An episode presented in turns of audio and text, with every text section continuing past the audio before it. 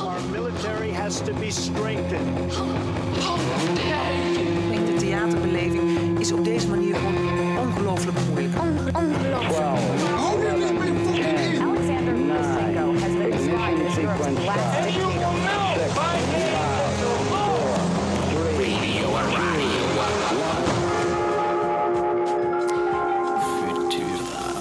Welkom bij Radio Futura, actieradio over kunst en de wereld. M- Dionne Verwij. En ik was zoals gisteren ook vanavond jouw host. Samen met Gian van Grunsven en natuurlijk Frascati maken wij elke woensdag, donderdag en vrijdag radio live vanuit Frascati 3 in Amsterdam. Naast dat je ons kan horen, kan je ons ook zien via de livestream. Daar hangt voor ons een camera en we gaan nu even zwaaien over 30 seconden. Zie je dat? We hebben weer een eh, gezellige studio vandaag. Elke, elke dag is het gezellig. Maar ehm, je kan ons ook live live zien, want dan zijn we nog gezelliger. Dan kan je gewoon langskomen, ergens in de Nes, ten hoogte van eh, nummer 63. In een steegje staat een zware donkergroene branddeur. Eh, klop twee keer hard, één keer zacht. Zing een lied en doe een pirouette. En wij doen de deur voor je open. Maar je mag ook gewoon bellen als je dat lastig vindt, zeg maar. Wij hebben een telefoonnummer. Ehm, ik zei het gisteren verkeerd, blijkbaar. Ik had een heel fout nummer. Of tenminste, het nummer was niet correct. Eh, Maar dit is het correcte nummer. Het is 0648680287. Ik herhaal 0648680287. En dan mag je gewoon plaatsnemen. We hebben nog een aantal lege stoelen. Je mag zelfs meepraten als je dat wil. Want we hebben ook een interruptiemicrofoon. En hij is eh, coronaproof. Ehm, je mag voor DJ spelen, want we hebben een LP-speler. En als je niet weet wat dat is, we hebben ook een Spotify-list. Eh, ja, je hebt mensen die nog. eh, die zijn geboren na die tijd. Dat kan. Ehm, er is een emmer met wat quotes. Eh, en dat, dat is letterlijk. Er zijn wat blaadjes in de emmers. En dan mag je gewoon een quote uitkiezen, oplezen en ter discussie brengen. Kortom, je kan veel doen zolang je anderhalf meter afstand houdt. Radio Futura, Radio Futura. Alright, dit is de vijfde uitzending van een reeks over co-creëren en theater. Radio Futura heeft een meerjarig project en het heet eh, De Onvertelde Stad. En binnen De Onvertelde Stad heb je een project heet Stemmen uit Beton. Ik zie twee mensen goed en hevig naar me knikken. Die ga, ik je zo, eh, die ga ik zo aan je voorstellen. En we hebben iemand die ook op de Zoom meedoet. Want eh, hij, hij, spreek van over hem alsof het iemand is die echt eh, letterlijk in de lucht hangt. Nee, eh, hij heeft Rabot als project. En ehm, nou, het onderzoekt de samenwerking tussen theater, stad en gemeenschap. Het is een poging om stad en theater radicaal met elkaar te verbinden. Een podium te geven en eh, ja, stem te geven aan de ongehoorde stemmen in de samenleving. Dus eh, Frascati doet ook zijn werk. dankjewel, Frascati. Gedaan hoor ik hier van Mark Timmer. Oké, nou ja. eh, eh, ik ben toch benieuwd welke waarden, kenmerken en voorwaarden kent een dergelijke co-creatie. Wat is eigenlijk een co-creatie en hoe hou je de veiligheid en wat, wat betekent duurzaamheid dan en gelijkwaardigheid? Ik ben daar gewoon zo super benieuwd naar. Want ja, we hebben alleen maar kunstenaars aan tafel en in de lucht die daarmee te maken hebben, die daar heel veel onderzoek naar hebben gedaan. En ik heb het dan over Simon Allemeers, Naomi Steiger, Timo Tembuizer. Hij knikt weer, yes! En Urias Boerleider, maar ook Graciela Hunsel Rivero. Hallo, Hallo Dionne. dat is. Graciela. Yes. Hey Graciela Hunsel, we hebben jou gespeeld in een voorstelling, hè? Nee, we hebben jou niet gespeeld. We hebben jou gewoon toegevoegd aan een Ja, voorstelling. fantastisch. Mijn hele familie toegevoegd. Althans, de lijn van mijn moeder. Ja, klopt. Ik vond, ik was super trots. De voorstelling heette eh, eh, eh, Pavements of Gold. Yes, Jeetje, want ik zag opeens die Yellow Brick Road voor Ja, me. Die van, ik wilde dat ook bijna zeggen. Ja? Pavements of Gold van de toneelmakerij. En ehm, daar speelde ik in en dan hadden, het ging over de Belmer. klopt.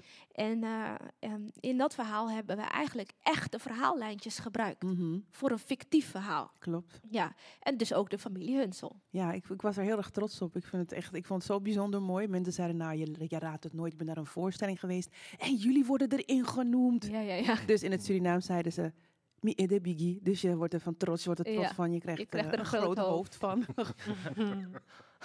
En dat gebeurde ook? ja, zeker. Vol trots. Ja, man. Maar het is je gegund, meisje. Dankjewel. Jawel, je bent een legend. Tegenover mij zit Urias, boerleider. Ja, hallo. Wacht trouwens, even terug naar Graciela. Jij bent onderdeel van het project van Timo en Naomi. Klopt. Oké, daar komen we straks weer bij je Yes, terug. Dan weten dat is mensen die wat je link is. co-creatie. Ja, ja. dat is die co-creatie. Urias, weer terug naar jou. Eh, ik ken jou van de wandelgangen in uh, Theaterland. Z- Ja, het zijn vooral de wandelgangen, want we hebben nooit echt een gesprek gehad. Nee, nu Nee. wel. En volgens mij zijn we wel een soort van Facebook-vrienden of zo, als je daarop zit. Ik, ik- Ik heb geen Facebook. Nee, dan zitten we daar niet op. Nee. Dan zijn we daar ook geen vrienden. Nee, dat kan wel ooit. Ik heb ja. ooit Facebook gehad en inderdaad. Maar dat is vast heel lang geleden, of niet? Ja. Precies. Mhm. Nee, maar ik, eh, ik ben zelf eh, theatermaker, dramadocent. Eh, op dit moment even niet. Werk ik bij het Filmfonds als consulent de komende vijf jaar. Dus ik heb me even teruggetrokken uit het theatergebeuren. Is dat, heeft dat een reden? Ja, want dit is een, dit is een hele mooie kans om, om iets te doen op het gebied van film in Nederland. En daar krijg ik de mogelijkheid toe. Dus toen dacht ik, ja, dat moet ik doen. Ja, Dus vandaar. Toen dacht je doei. Nou, ik, nee, dat dacht ik niet. Nee. Nee. want ik ben zijdelings wel betrokken bij theaterprojecten. Ook bij dit project hier van Mhm. Timo en Naomi. Ehm, als sparringpartner af en toe. En, Mhm. ehm, en dat vind ik wel heel belangrijk om, eh, om te doen. zeg Ja, om er toch nog een beetje bij te blijven. Nou, niet een beetje. Ik wil gewoon nog wel het voelen, het theater. Want anders word ik een soort ambtenaar en dat is niet de bedoeling. Nee, dat is voor niemand de bedoeling. Nee, is niet voor niemand goed. Nee. Nou, oké. We zijn blij met je. Welkom. Dankjewel. En dan eh, rechts van mij, voor jullie links, hebben we Timo en Naomi. Ik zeg het gewoon in één adem, omdat Yes. jullie een team zijn, toch? Zeker. Ja. En eh, al heel lang. Nou, Nou. we hebben elkaar leren kennen op de toneelacademie in Maastricht, waar we vorig jaar zijn afgestudeerd. En ik denk dat we nu zo drie jaar met elkaar, ja, elkaar in de haren vliegen om Ja. vertellingen te maken Ja, over flats die worden. ja. ja, dus zo'n drie jaar sinds 2018 of zo. Hebben jullie elkaar gevonden? Ja. Ja, wat, wat, wat van Timo vond je zo Wat van Timo vond je zo interessant? Nee, waar, waar kunnen jullie elkaar vinden? In eh, welke waardes? Nou, we zijn heel verschillende makers, denk ik. En juist wat we allebei, ehm, nou ja, wat ik niet eh, goed kan nog, of waarvan ik nog meer kan leren, dat, dat kan Timo heel goed, heb ik het gevoel. En, ehm, en ik hoop dat het ook, ook andersom is, maar dat weet ik eigenlijk niet. En ik denk dat we dus elkaar heel goed aanvullen op heel veel manieren. Maar we zijn ook. ehm, we bevragen elkaar gewoon heel erg sterk. En ik denk dat, dat, dat we elkaar daarin kunnen vinden. Maar dat, dat is ook wel eens heel lastig natuurlijk. Maar dat hoort erbij. denk Dat ik. hoort erbij. Daar Ja. komen ook weer mooie dingen uit. Ja. En Timo, wat kan je zo waarderen aan Naomi? Dit lijkt op een soort dating. sh- Nou, ja, het is een soort first Dating date. show. Nou, dus wij- drie jaar wij ook- geleden. Wij eh, zeggen dat niet zo vaak tegen elkaar, wat we in elkaar waarderen. dus dat is best wel leuk om nu even Ja, toch? ja, om dat in het publiekelijke meteen te gooien. Oh, Nee, ik denk dat het. Ik ben op, een bepaalde manier van het uitzoomen en filosoferen. En ik ben ook de componist van ons team, die dan de flat omvormt tot koor, of die de muzieklessen dan iets meer ehm, doet. Maar Naomi kan dan op een vierkante millimeter inzoomen op wat er op het moment aan de hand is. En mij dan weer wijzen op bijzonderheden aan verhalen die dan in de stad of nu in Groeneveen in de Bijlmer te vinden zijn. Mhm. En ik denk dat die dialoog tussen uitzoomen en inzoomen ja, best wel productief is. En ehm, dat we daarin elkaar ook best wel vinden. En soms ook niet, maar ja, dat is wat ik wel waardeer. Dat Naomi me af en toe op de grond zet en zegt, ja, maar even luisteren nu naar dit verhaal. Ja, En dat, dat vind ik heel waardevol. mooie combo. Vind je het fijn om te horen, Naomi? Ja, dat vind ik wel fijn om te horen. En dat is ook echt waar, denk ik. Dus dat, ja, dat is goed. Daar kunnen jullie elkaar wel in vinden. Absoluut. Ah, heel goed. In de lucht hangen hebben wij Simon. Hey, hallo. Hi, Simon Allemeers. Ja, dat, dat, dat klopt. Dat klopt. Ehm, Simon, waar zit je nu? Eh, ik ben in Gent, in Kunstencentrum Vooruit. Eh, en ik ben hier nu ehm, tot begin november in residentie, eh, omdat ik première heb op 5 november. Première van een project waar je nu mee bezig bent. En het Um, heeft te maken met co-creatie. Ja, het is eigenlijk ehm Rabot 2. Dus ik heb ooit in 2014 een voorstelling gemaakt, een documentaire voorstelling over drie woontorens, sociale woontorens hier in Gent, die afgebroken gingen worden, of die men toen al aan het afbreken was. Ehm, Dat project was toen begonnen in 2009. Ehm, en ik heb eigenlijk sinds 2014 altijd het idee gehad dat ik een vervolg wilde maken. En dat vervolg gaat nu in première uh, begin november. Kei spannend. Um, daar Ja. ben ik heel erg benieuwd naar. Daarom zijn we hier ook eigenlijk. Wat jullie allemaal bindt is eh, eigenlijk een vorm van werken, kan ik het zo wel noemen. Maar ik denk dat jullie het mij eerder eh, kunnen uitleggen dan, dan ik jullie. En ehm, het draait allemaal rondom het thema co-creëren. Wat betekent, of wat is co-creatie? Ehm, Timo. Ja, ehm, co-creatie. Nou ja, ehm, ik ben soms van het Latijn. Dus co is ehm, samen en creatie maken. Dus het gaat over een samenwerking of iets samen maken met, in ons geval, een gemeenschap ehm, in de Bijlmermeer. Mhm. Of, nou ja, Simon kennen we van een project in Gent. We hebben onze afstudeervoorstelling gemaakt in een flat in Gent. En toen was Simon onze coach. Maar het samen maken gaat... Gedaan. Maar het samenmaken gaat in die zin ehm, over wij die ja, een visie hebben of een soort verbeelding hebben dat een flat samen zingt of samenleeft. Ehm, en de flatbewoners zijn onze zangers. Dat is eigenlijk de, de eerste uitnodiging naar hen toe. En in dat proces van samen een lied maken, ehm, luisteren we naar hun verhalen en ehm, proberen we hun verhalen een podium te geven en dat samen erachter komen hoe die ja, vertelling werkt of hoe het samenleven in die flat werkt en dus ook het samenleven in het algemeen. Dat is denk ik in ons geval het samen maken. Mhm. Eh, misschien wil Naomi aanvullen. Nee, ja, ik denk ook dat het, het, het is ook nog wel een begrip waar ik zelf nog niet zo'n heel sterke definitie voor heb. Omdat je heel erg zoekt, zeker als ik nadenk over ons project, zoek ik wel naar hoe kan je als makers. Je hebt natuurlijk ook je eigen idee van hoe een goede vertelling is of zo. Of wat nou precies een goede vertelling is. En het terugkoppelen naar de bewoners en kijken van.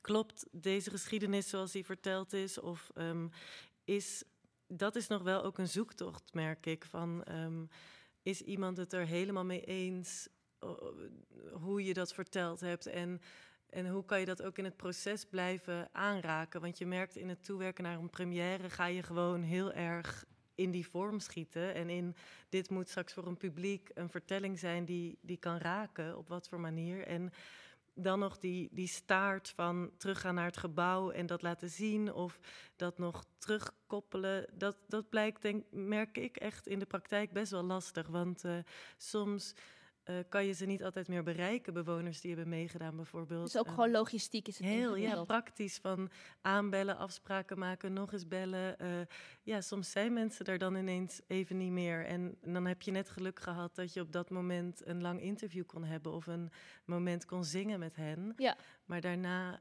ja, dus dat is denk ik ook echt een zoektocht. En heel spannend lijkt mij. Want Ja. dit hebben jullie dus in Belmermeer gedaan. En specifiek in flat Groeneveen. En dan kijk ik even naar Graciella. Mhm. Woon jij in Groeneveen? Ik heb in Groeneveen gewoond. Mijn wiegje heeft daar gestaan en ik heb tot mijn twaalfde daar gewoond. Maar mijn moeder samen met mijn tantes waren de eerste bewoners van het appartement. Dus die kwamen daar in eh, 1970. Mijn moeder kwam van eh, de Vondelbuurt, woonde mooi aan het eh, Vondelpark. En is toen overstag gegaan om naar het verre Bijlmermeer. Want de stad stopte bij Amstel. om daar te gaan wonen. Nee, Bunny Ears. Ja. Ja. Ehm, ehm, ik heb het trouwens gezien, Stemmen uit Beton. Hm. En eh, daarin heb ik ook jouw, jouw stem gehoord. ja. En daarin vertel je inderdaad over de periode rondom jaren 70, klopt het? 70, 80. 70, 80. Ja. En eh, hoe jouw ouders eh, een van de eerste bewoners van de flat zelf waren. Ja. En dat je daar bent geboren. En wat er dan allemaal gebeurde. Want ik, ik meen, denk ik, dat er een reden is dat er is gekozen voor een flat en niet een woonwijk. En waarom is dat? Omdat eh, een flatgebouw is een soort stad op zich, die eh, op elkaar gestapeld is in de hoogte, die Mhm. ook een eigen identiteit heeft en ja, echt een gemeenschap vormt. En ooit was onze droom om een hele stad aan te laten zingen. Dat was de eerste gedachte. En toen dachten we van ja, dat, dat is echt onmogelijk. Om eh, ja, 800.000 inwoners heeft Amsterdam volgens mij. Nu hebben we gekozen voor duizend bewoners. Dat is iets bevattelijker voor, eh, ja, een duizendkoppig koor. nou ja, dus zo, een flatgebouw is een biotoop op zich, een, een stad op zich. Ja. Een soort verticale dorp. Absoluut. Ja. Zeker weten. En waarom is er gekozen voor een flat in Belmermeer? Nou, dat is eh, eigenlijk zo gekomen in dialoog met Frascati, met de Onvertelde Stad. Mhm. Dat wij, ehm, nou, via Simon kwamen we terecht bij de Onvertelde Stad en toen gingen we in dialoog van welke, ehm, ja, welke flat zouden we kunnen betrekken bij, bij ons plan. Ehm, en toen kwamen we erachter dat samen met Rochdale, een woningcorporatie, ehm, in Zuidoost nog wel een mogelijkheid lag om iets te doen. En de Belmermeer is natuurlijk zo een monument van hoogbouw. Mhm. Dus als je het hebt over flats, dan zit je eigenlijk meteen in de geschiedenisboeken van elke stedenbouwkundige, waaronder mezelf. Dus ik vond het ergens ook heel fijn om in die, ehm, ja, in die wijk een van de monumenten van een hoogbouw echt in te zoomen in de levens die, die daar plaatsvinden. Want eh, bijvoorbeeld Rotterdam-Zuid, Kop van Zuid, heeft ook hele waardevolle, monumentale flats staan. Weliswaar heeft iedereen daar een inkomen boven modaal, maar hoezo zijn jullie daar langs gegaan? Bijvoorbeeld. Wat is Ja. daar het verschil? eh? Dat is echt een beetje het lot of zo. Ja, we zijn in ons afstuderen, zijn we dit gesprek gaan voeren met Frascati. En toen, eh, en toen is, is eigenlijk heel snel Zuidoost in het... Maar we hebben wel eens gepraat over een flat eh, die... ehm, ja, wat... Nou ja, hoe moet ik dit zeggen? Wat niet per se sociale huur is, bijvoorbeeld. Dus een flat waar, waar, waar, ja, waar mensen in zo'n toren wonen. En dat hebben we ook wel eens. nou, dat willen we nog steeds wel doen. Maar ik denk dat op dit punt in ons makerschap dit op ons afkwam. En we dat, die kans toen gewoon met beide handen hebben aangegrepen. En ehm, in het negendelig requiem dat we gaan maken, wordt één of meerdere van die flatgebouwen zeker nog wel een soort juppenflat met allemaal advocaten en, ehm, en artsen. Dat, dat wil ik ook heel graag. De Zuidas misschien. Ja, Hè? Het zijn gewoon allemaal verschillende oefeningen in mini-gemeenschappen, Ja. denk ik. En ja, dan is het inderdaad een soort speling van het lot op dit moment dat we dan hier zijn beland. Ehm, en elke flat stelt weer zijn eigen vragen en daar ga je dan in. Mhm. Want de andere flats die lijken op de Belmermeer flats.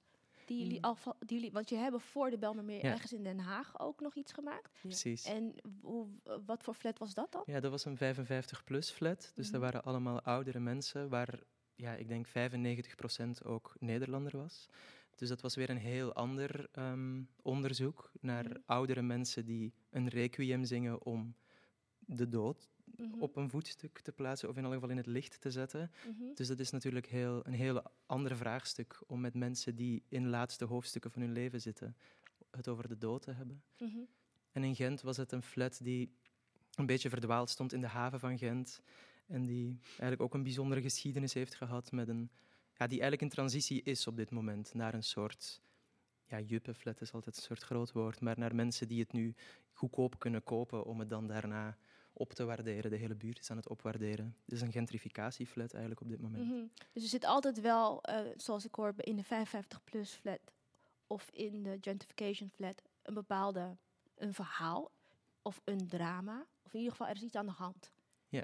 Ja, maar niet, misschien kiezen we het flatgebouw niet per se op, eh, op het verhaal van het flatgebouw zelf. Maar ehm, ja, als je op een gegeven moment achter voordeuren komt van mensen, dan komen er altijd verhalen los. En zeker als je met hen gaat zingen, dan.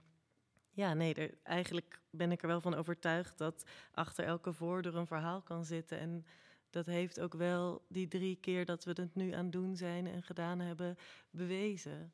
Ehm, maar om nou echt te zeggen dat we op zoek zijn naar drama of naar Een verhaal. Ja, verschillende verhalen. Mhm. Ik ben even nieuwsgierig. Hebben jullie ook nog andere flats bekeken, zeg maar, in Zuidoost, in de Bijlmer? Nee, toch? we zijn één ronde gaan lopen met, met Redley van Rochdale en met de wijkbeheerder toen Erik. En toen, ehm, zij hadden al Groeneveen voorgesteld. Mhm. En, en toen is dat eigenlijk al zo best wel organisch gelopen. We hadden toen ook heel erg een klik met de wijkbeheerder. Die is nu eh, ergens anders aan het werk. Maar ja, dat was toen eigenlijk een heel leuke dialoog. En dat was heel logisch dat we eigenlijk met hem in de flat waar hij vooral eh, het overzicht van probeert te, te bewaken en, en de mensen, met de mensen werkt, dat we toen bij Groeneveen aankwamen. Er stond ook een buurtsalon leeg waar we heel fijn konden werken toen. Ja, dat is eigenlijk op die manier gegaan. Mm. En toen kwamen ze bij Gracielle Hunsel. Ja, dat ging niet zomaar. Dat ging eigenlijk door eh, Radio Razo, die in Groeneveen zit. Ja? En Frits van Eyck, de directeur, die eh, tipte Naomi en Timo. Want ze wilden eh, ja, een, een, een kind dat opgegroeid was in de jaren 70, 80 toevoegen aan hun line-up, om het maar even zo te zeggen, aan, de, aan het luisterstuk. Mhm. Mhm. En hoe ging jullie eerste gesprek? Waar ging het over? Over, ik denk over mijn, mijn hele zijn. Want het, mijn, het zaadje van wie ik ben is toch wel geplant in die flat nummer 104 in Groeneveen. Mhm.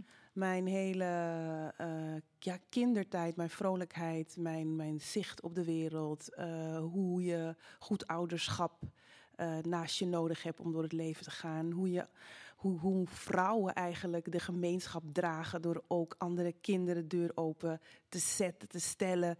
Dat eh, het zo veilig was en wij als kinderen beneden konden spelen. Maar er zaten moeders bij de zandbak, oma's op de balkons, eh, overal. Dus je was eigenlijk, het was een, ja, een zeer beschermde omgeving. En Vol dat wilde je, vrolijkheid. dat, wi- dat was jouw verhaal. Dat was dat je, wat je ook kwijt kon aan Timo en Naomi. Ja, meer dan dat denk ik. Er zat zoveel in. Ik, heb, eh, ik, ik vertel het volgens mij echt in een notendop, maar vul me aan alsjeblieft. Want ik was gewoon echt zo blij om weer voor mijn eigen deur te staan. Ja, we zijn, we zijn naar Ja. haar eigen voordeur teruggegaan. Dat was ook een mooi moment Ja. dat jij terug... Jij moest ook even een moment voor jezelf nemen.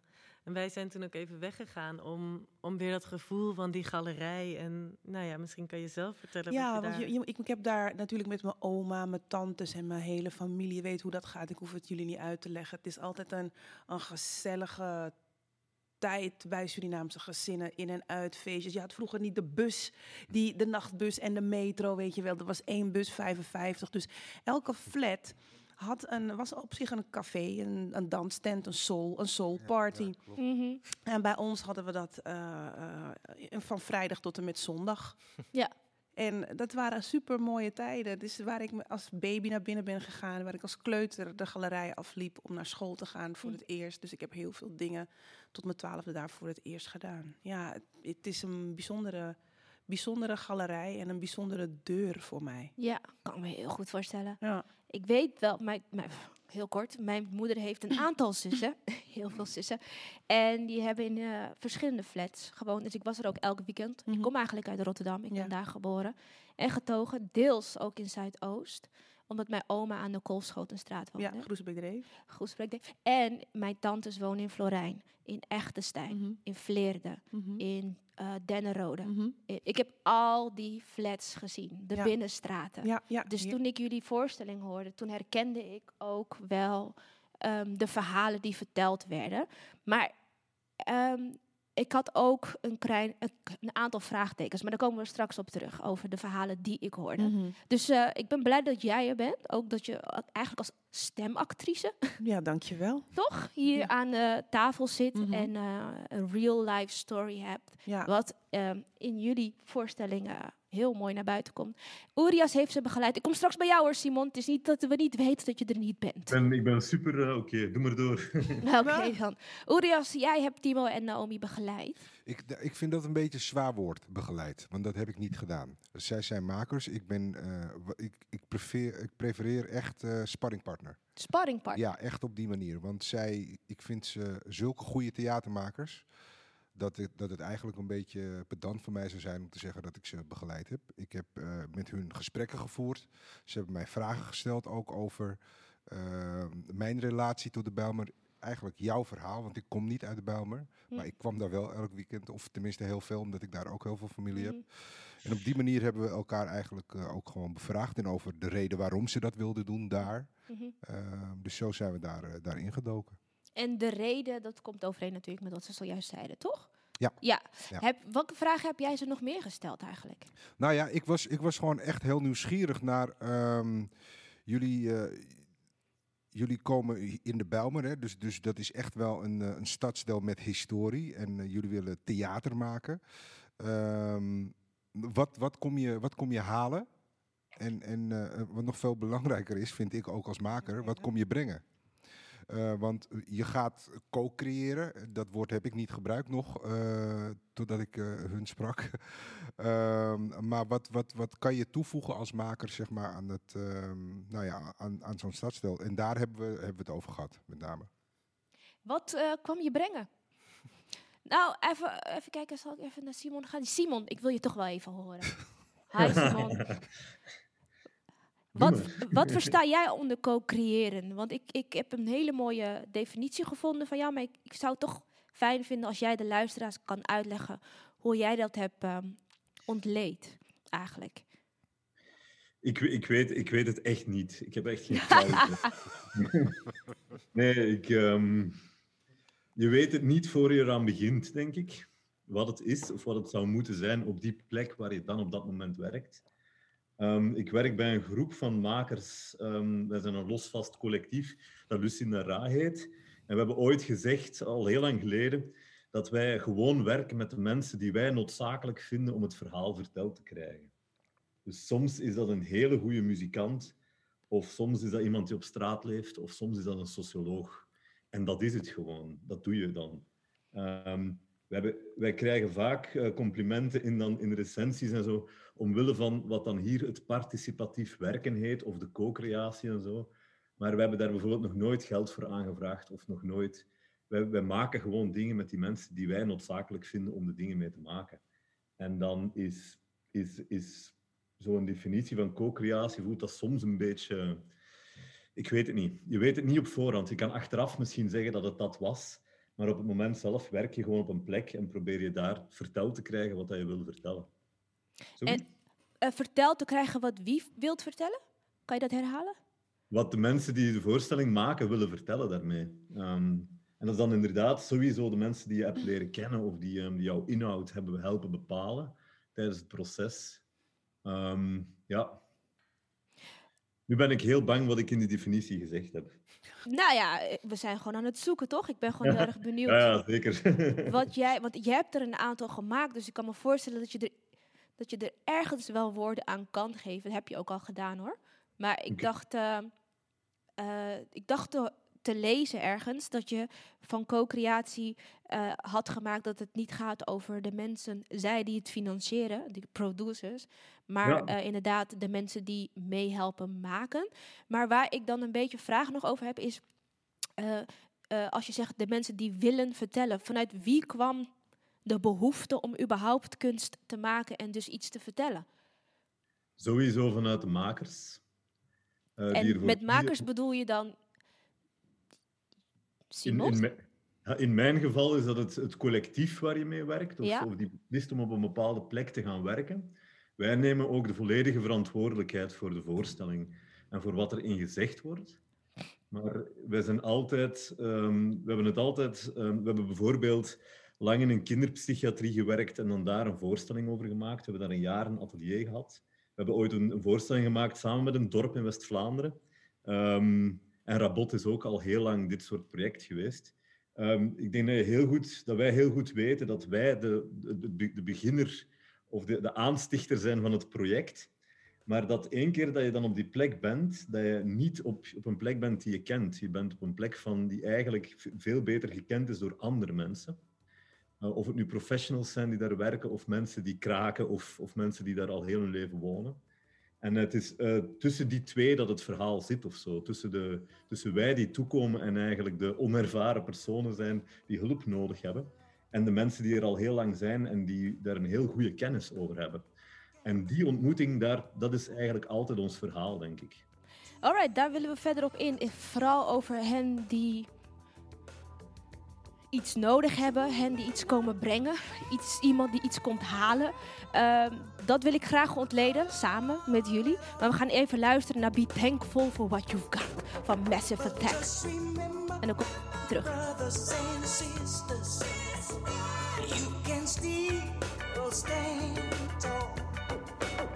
Just be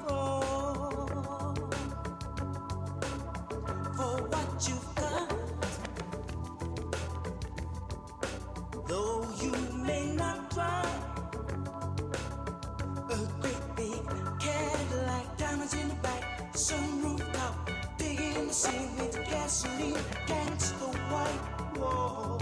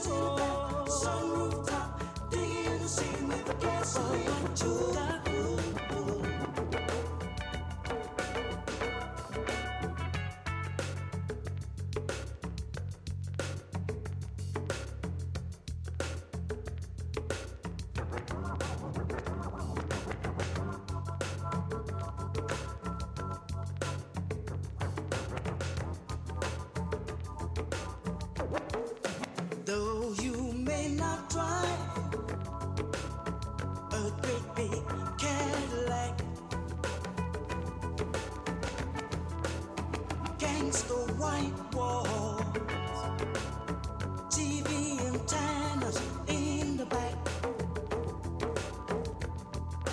You may not have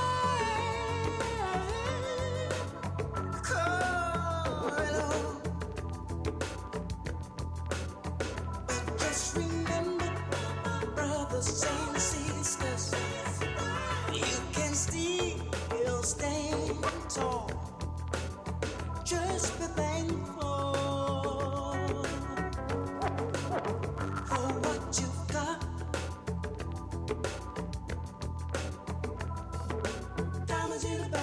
Sunroof top, digging the sea with gasoline. Ooh, ooh, ooh.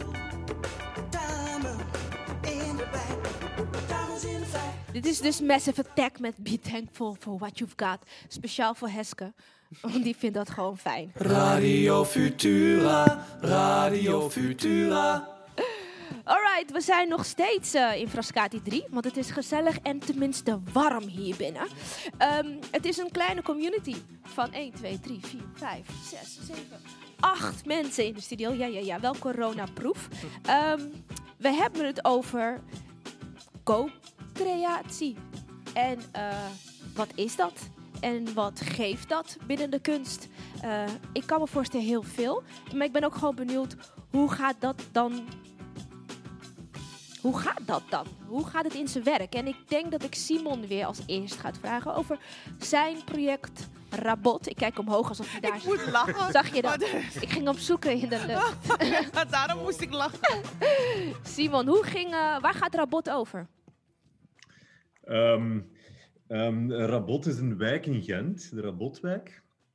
Het is een eh, oude arbeiderswijk hier in Gent. Het is ook, ik denk, de op één na eh, armste wijk van Vlaanderen.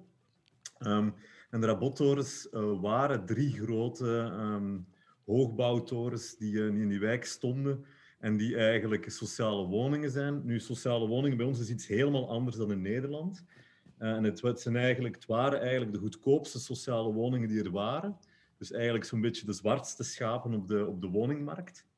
Ehm, en die torens werden, werd gezegd dat die gingen afgebroken worden in 2009.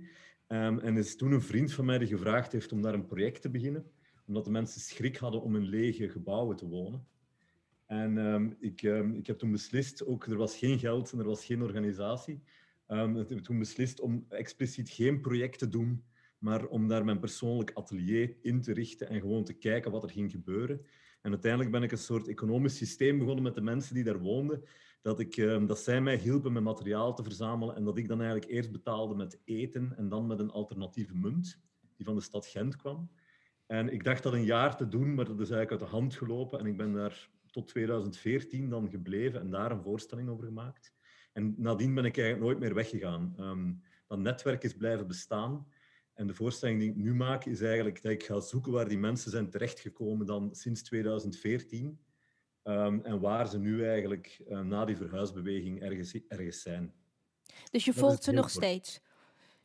Ja, de mensen die er nog zijn natuurlijk. Ehm, maar ze hebben altijd op, een, op, heel, op hun heel eigen manier meegewerkt aan die voorstelling. Eh, de voorstelling is eigenlijk een soort van hele rare documentaire die ik live presenteer. Ik sta alleen op scène.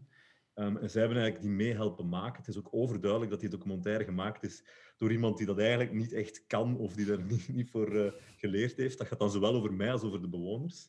Ehm, en de, de, de vervolgvoorstelling nu is dat eigenlijk ook. Dus ik presenteer een soort vreemd videodagboek sinds 2014. ik ben heel erg benieuwd. Is dit in samenwerking met Frascati? Ja, het was eigenlijk ook de bedoeling. Ik had, we hebben veel de vorige voorstelling gespeeld in wijken en in, in torens en in ook eh, sociale woningcorporaties in Nederland, stadgenoot, Mhm. onder andere bij jullie in Amsterdam. En ik, ehm, dan ben ik, op het ben ik met Heske beginnen spreken en dan was het het fantastische plan dat ik misschien ook in mijn tocht dan voor deze voorstelling ehm, bij, in Amsterdam zou passeren. En ook om te kijken wat het verschil is tussen Nederland en Vlaanderen. Maar dan is er een bepaald virus gekomen en dan zijn al die plannen in het water gevallen. Ach, jeetje, je bent niet de enige, dus misschien helpt dat. Ja, Ehm, natuurlijk. ik hoorde dat er een technicus met jou meeliep, die ook een van de bewoners is, was van Rabot. Klopt dat? Ja, we hebben, wij gaan ervan uit dat mensen op alle mogelijke manieren kunnen meewerken. Dus er zijn bewoners geweest, het was er um, s'nachts vaak niet veilig. Er is een gast die op een bepaald moment gewoon bodyguard geworden is van ons en die altijd meeging. Het was een beetje de stroper die boswachter werd, maar dat werkte wel. En, ehm, en wij waren oké en die opnames gingen vlot. En mensen lazen dingen in of hielpen mij gewoon of stuurden mij door. En uiteindelijk was er ook een gast die toen eh, heel lang op straat leefde. Ehm, die, die, dan, die, dan die ook anoniem in die voorstelling zat. Ja. Ehm, en die ging dan gewoon mee als technieker. En dat is leuk, want dat spelen in de brakke grond in Amsterdam. Hij is dan mee. En dan zegt de technieker van de brakke grond tegen hem achteraf dat hij het heel goed vond. Vooral dat verhaal over die daklozen. En dan zegt onze technieker, ja, ja. en dat is het dan. En is ondertussen... Niemand weet het dan, maar dat is heel leuk. Je, je moet, denk ik, werken met, op, op die manier zoals de mensen dat, dat zelf willen doen of zo. Ik werk heel vaak met mensen die absoluut nooit op scène zouden willen staan, om tal van redenen. Die absoluut soms anoniem moeten blijven, om tal van redenen. En dan moet je maar een vorm bedenken waarin dat, dat werkt of zo. Of waarin zij dan kunnen toch meedragen. Ja. Ja, maar wat ik dan zo bijzonder vind, los van het feit ehm, dat het organisch groeit, is dat je, je komt daar als kunstenaar onbedoeld. eh, je ziet wat er leeft. Je raakt daar geïnspireerd van. Je verzamelt verhalen. Ehm, je bent in gesprek met eh, die verticale wijk.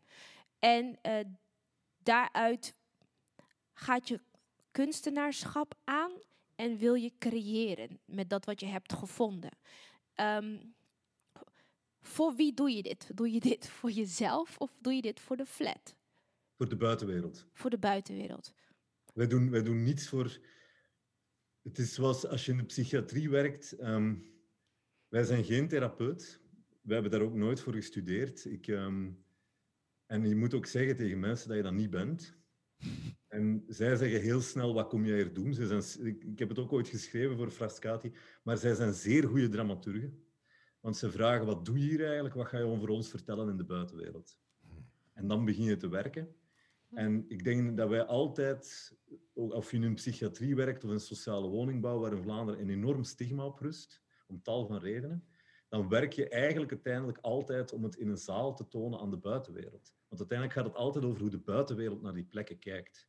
Ehm, ik, je krijgt ongelooflijk veel privéverhalen van mensen binnen.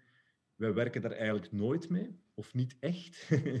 of alleen op die manier dat het klopt. Ehm, wij verzamelen, ik, ik, ik, vind, ik zou het raar vinden als ik een soort mannetje ben die, die zoveel mogelijk privéverhalen verzamelt en die dan uitsmeert op de scène, zodat de buitenwereld daar kan naar kijken. Ja. Je moet altijd zorgen dat je het zo construeert dat de mensen die meewerken, dat die veilig zijn. En dat, en, dat, en dat het uiteindelijk gaat over hoe de buitenwereld met die plek omgaat. Ehm, we Maar hebben daar de mensen zelf behoefte aan? Dat er naar hen gekeken wordt of geluisterd wordt? Of willen ze dat er geluisterd wordt? Of gaat het... wat denk je zelf? Ehm, ja, ik, ik denk het wel. ja. nee, ik, ik denk het namelijk niet per se. de, me- er, mensen ehm, meewerken aan een project betekent bij heel veel mensen iets totaal anders. Ehm, sommige mensen zeggen heel snel, het is fantastisch wat je hier doet, het is leuk dat er hier iemand werkt, maar het interesseert me niets. Dat is oké, dat is super. Die, er was ooit een man die, die bijna elke dag langskwam om te zeggen dat hij het allemaal belachelijk vond en dat hij het, eh, dat hij het onnozel vond dat ik daar zat. Maar hij kwam wel elke dag langs. en na een paar dagen denk ik, ah, dit is gewoon zijn manier om mee te werken. Of samen te leven, of god weet wat. Mhm. Ehm, maar uiteindelijk weet je wel heel goed, denk ik, dat, dat theater maken mijn beroep is. En dat ik degene ben die uiteindelijk ook de verantwoordelijkheid heeft of ervoor kiest om daar een voorstelling van te maken. Maar zij moeten wel op elk moment kunnen meedenken en, en, en meekijken naar het materiaal. Daar gaan wij soms heel ver in. Dat vraagt ook veel tijd, maar dat is dan zo. En wij werken nu ook echt wel op plekken zoals sociale hoogbouw, waar mensen heel gefrustreerd zijn aan de binnenkant dat er eigenlijk nooit naar hen geluisterd wordt. Dat de problemen die altijd opgesomd worden niet hun problemen zijn. Dat ze met heel andere problemen geconfronteerd worden. Dus dat krijg je sowieso op je bord.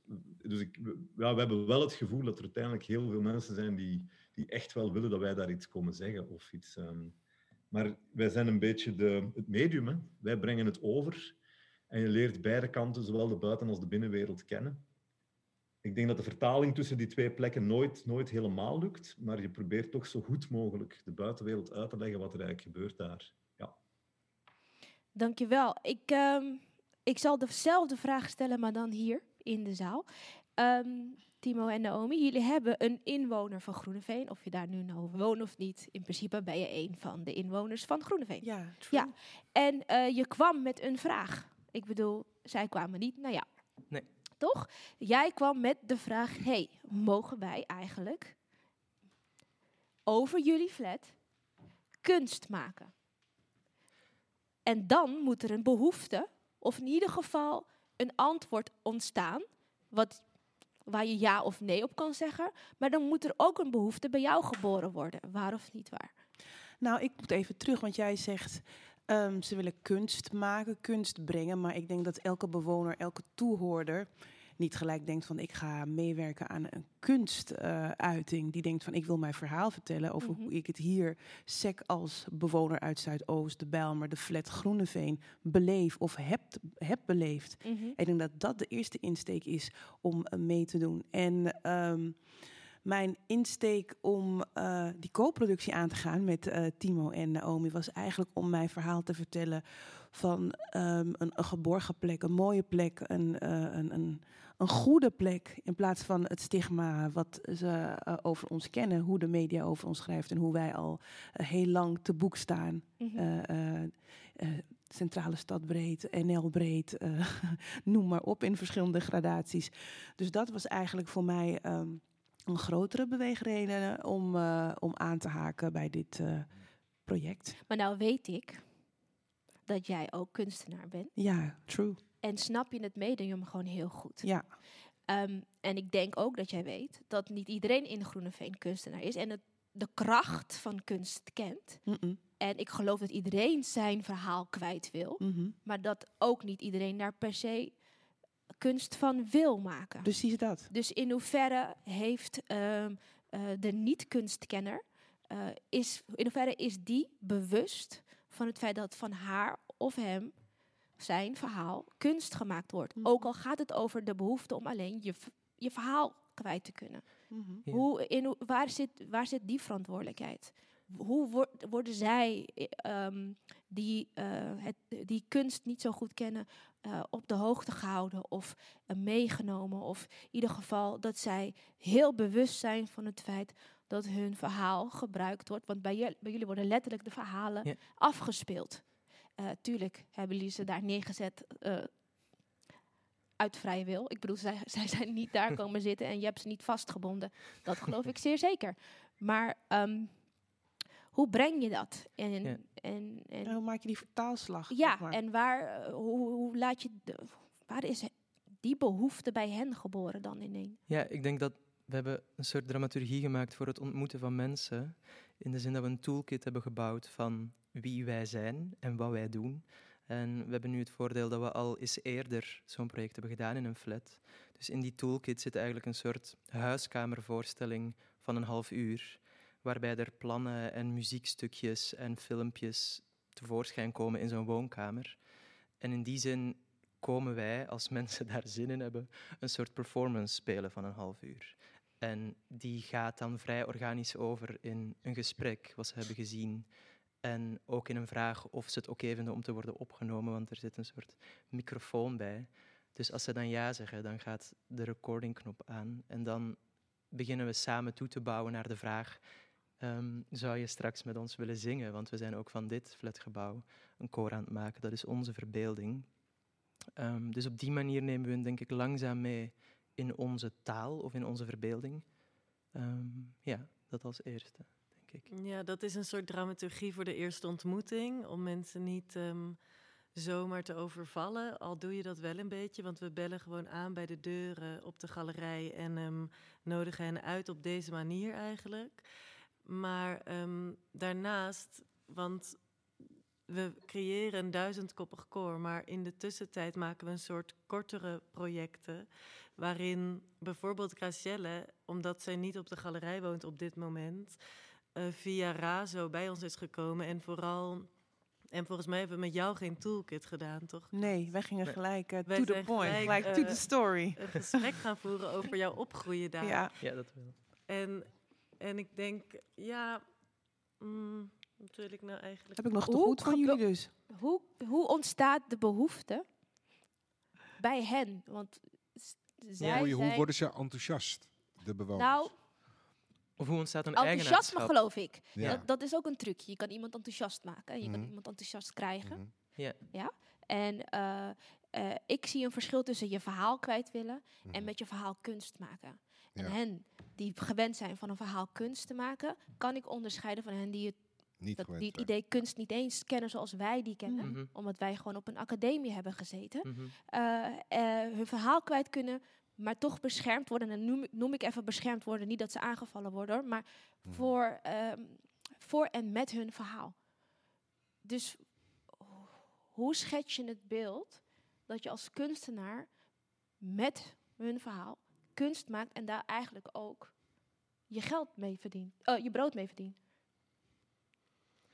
Ja, hoe schetst je dat beeld? Ik In hoeverre zijn ze daar bewust van? Ja, ik denk Ik ben- door het gewoon te benoemen. We, Ja. we benoemen het sowieso. En ik denk dat ze heel goed weten waar ze aan meewerken. Nou, dat is, dat is dus denk ik het punt van in, in hoeverre... Kijk, wij weten dat. Hoe we hier zit- zitten, snappen we allemaal wat het betekent. Je hebt een Ja. verhaal en je maakt het theatraal. Nou, daar zijn we nu ook mee bezig. Ehm, het, het gaat erom, als je helemaal geen inzicht hebt... Als het gaat over theater. Er zijn mensen die hebben geen idee wat dramaturgie betekent. En, en nou ja, dan drukken jullie op die bel en dan sta je daar bij de deur en dan vertellen ze een verhaal. En dat, wordt dan, dat komt dan heel erg vanuit de noodzaak, omdat die flat ook nog eens een keer iets heel heftigs heeft meegemaakt.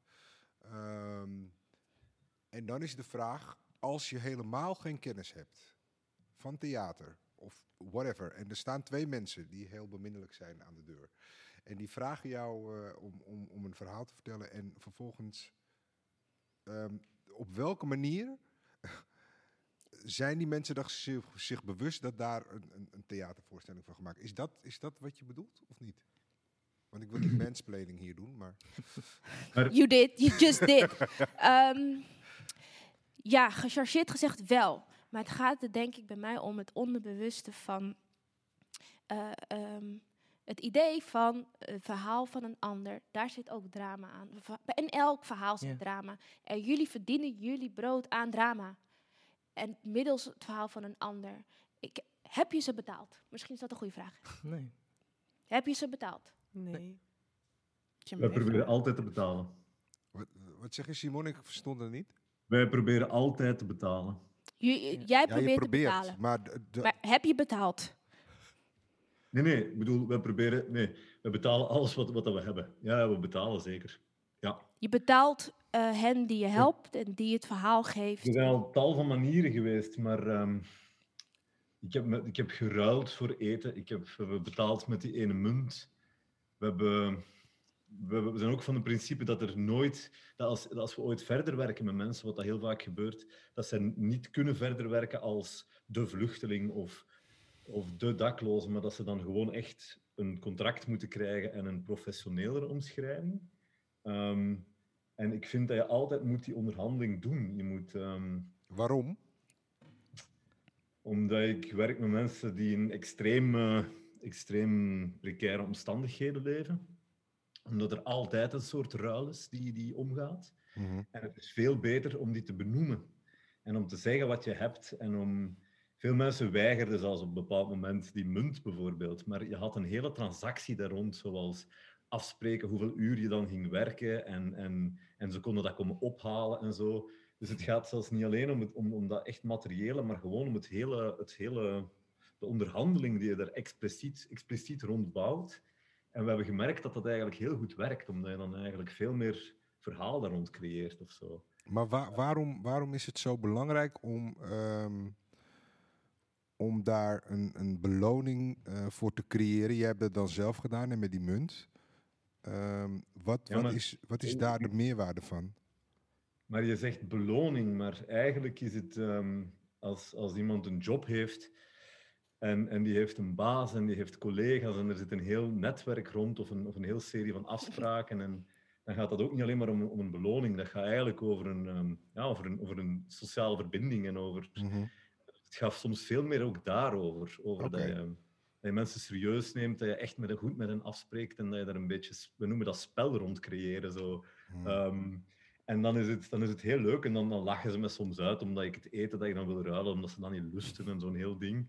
Dus en we hebben in die zin ontdekt dat dat, dat, dat soort van betalen echt heel, ja, soms heel goed werkt. Ehm. Wij vragen ook altijd mensen om hulp. Dus wij zijn geen hulpverleners, maar we vragen altijd: kan jij ons alsjeblieft helpen? Want ik wil daar iets over maken. Of, of... En, dan, en dan wordt het een onderhandeling. Ehm, en dat is eigenlijk veel leuker dan, ehm, dan dat je hen moet belonen of zo. Of dat is Dus- een, eh, Ja, het zit in het woord loon, wat een beetje ingewikkeld is. Maar ik Ja. denk dat we Ja. wel weten wat we bedoelen. Ja, want daarom vind ik, ik vind de vraag betaal je hun... Het is eigenlijk een hele goede grondtoon voor deze discussie. Maar uiteindelijk zitten wij meestal met iedereen één of twee uur. En ja, is dan de vraag, zij moeten dan een uurloon krijgen voor die twee uur? Of, want we hebben bijvoorbeeld elke maand een diner waar we ze voor uitnodigen, waar ze kunnen komen eten. We hebben het geluk dat we via Rochdale en Frascati een ruimte hebben gekregen waar altijd koffie en thee is, waar ze kunnen binnenlopen. Mhm. Dus ja, dat materiële betaalt je hen is, is een, in die zin een moeilijke vraag, even, vind ik. Maar zodat in immateriële zin stelt je daarop als, kijk, wij zijn hier ook en jullie kunnen altijd binnenlopen. En ehm, straks is er een voorstelling te zien waarin je verhaal misschien te horen is. En dan organiseren we dat je daarheen kan komen. En we zijn nog in het begin van een soort zoeken naar hoe kunnen we ze mede-eigenaar maken en hoe kunnen we ze een gevoel geven dat ze, ja, ja, dat ze serieus worden genomen zonder dat ze per se een contract en een loon krijgen. Nee, met contracten en lonen, dat is, ook, dat, dat is niet eens eh, ehm, hè, zo specifiek. Tuurlijk, eh, geld is heel belangrijk. Materie is heel belangrijk. Vooral voor hen die naar Europa zijn gekomen om materie, om, eigenlijk om materie. Economie, economie is materie. Ehm, eh, ook eh, Surinamers in die tijd zijn politieke vluchtelingen geweest. Het ging om dat zij naar Nederland zijn gekomen voor een beter bestaan. Bunny ears. Hm. Eh, daarin heb je verhalen genetisch meegekregen. We hoeven het niet eens over hè, 18 zoveel te hebben. Maar het gaat denk ik ook over verhalen die met de socio-economische laag te maken hebben, die zeker, zeker een podium nodig hebben, absoluut. Ehm, maar in de geschiedenis kennen we toch best wel veel voorbeelden van verhalen die verteld worden, niet eens door hen zelf. En daardoor ook niet eh, hen die de verhalen eh, dragen, eh, dat daar ook weer de middelen terugkomen. En dan wil ik echt niet Naomi en Timo aanvallen, helemaal niet. Ik wil denk ik wel een punt maken in hoeverre eh, een verhaal een toe-eigening heeft. Eh, ik vond het mooi dat je net zei, mede-eigenaren. Want co-creatie heeft denk ik bij mij een soort mede-eigenaarschap meegebracht, die ik niet heel goed hoor hierin terug. Maar wel in hoe je het zo uitlegt. En Simon heeft ook best wel mooie voorbeelden gegeven. Dus ik ben daar heel erg naar op zoek. Uh, wetende dat dit ook over mijn tantes gaat. Wetende dat dit ook over mijn moeder gaat. Wetende, en ik wil dat zij, die deze verhalen dragen, eigenaar zijn van deze verhalen. Ook eigenaar zijn van de centen die daarbij komen. Om, niet omdat het gaat over de euro's, maar het gaat over de waardering. En ik geloof heel goed dat jullie echt kunstenaar zijn met het hart op de juiste plek. Absoluut. Eh, ik ben gewoon heel erg benieuwd hoe we dat in de toekomst ook kunnen aanpakken. Want ik hou van het woord co-creatie. Eh, we zijn allemaal eh, kunstenaars in die zin, want iedereen heeft zo zijn verhaal. Maar het gaat bij mij ook over bewustzijn. Het gaat voor mij ook over een ecosysteem bouwen die ehm, sustainable is. Die, eh, de, die eh, ja, eh, waarin zelfredzaamheid niet per se gebracht hoeft te worden, maar dat er binnen een, wat jullie ook doen, hè, want jullie blijven heel lang in die flat hangen en daarin bouw je ook, ga je met hen mee en daarin bouw je ook ecosystemen. En het is niet dat je ergens iets brengt, je ontdekt samen iets nieuws, neem ik aan. En dat houdt in stand, ook al zijn jullie wel of zijn jullie er niet. Dus misschien inderdaad nu de vraag, wat is er gebracht? Hm. Wat hebben jullie gehaald letterlijk, zijn verhalen. En dat, is, dat gebeurt vaak. Maar wat is gebracht? Wat is er nu nog? Waar gaan we nu naartoe? Zullen we dat even bespreken? Maar we gaan eerst een liedje opdoen. Het heet Don't Drop Me van Jeppe Lloyd Nichols. En eh, ja, gewoon ook om de lucht erin te houden. Hè? Dat is ook belangrijk.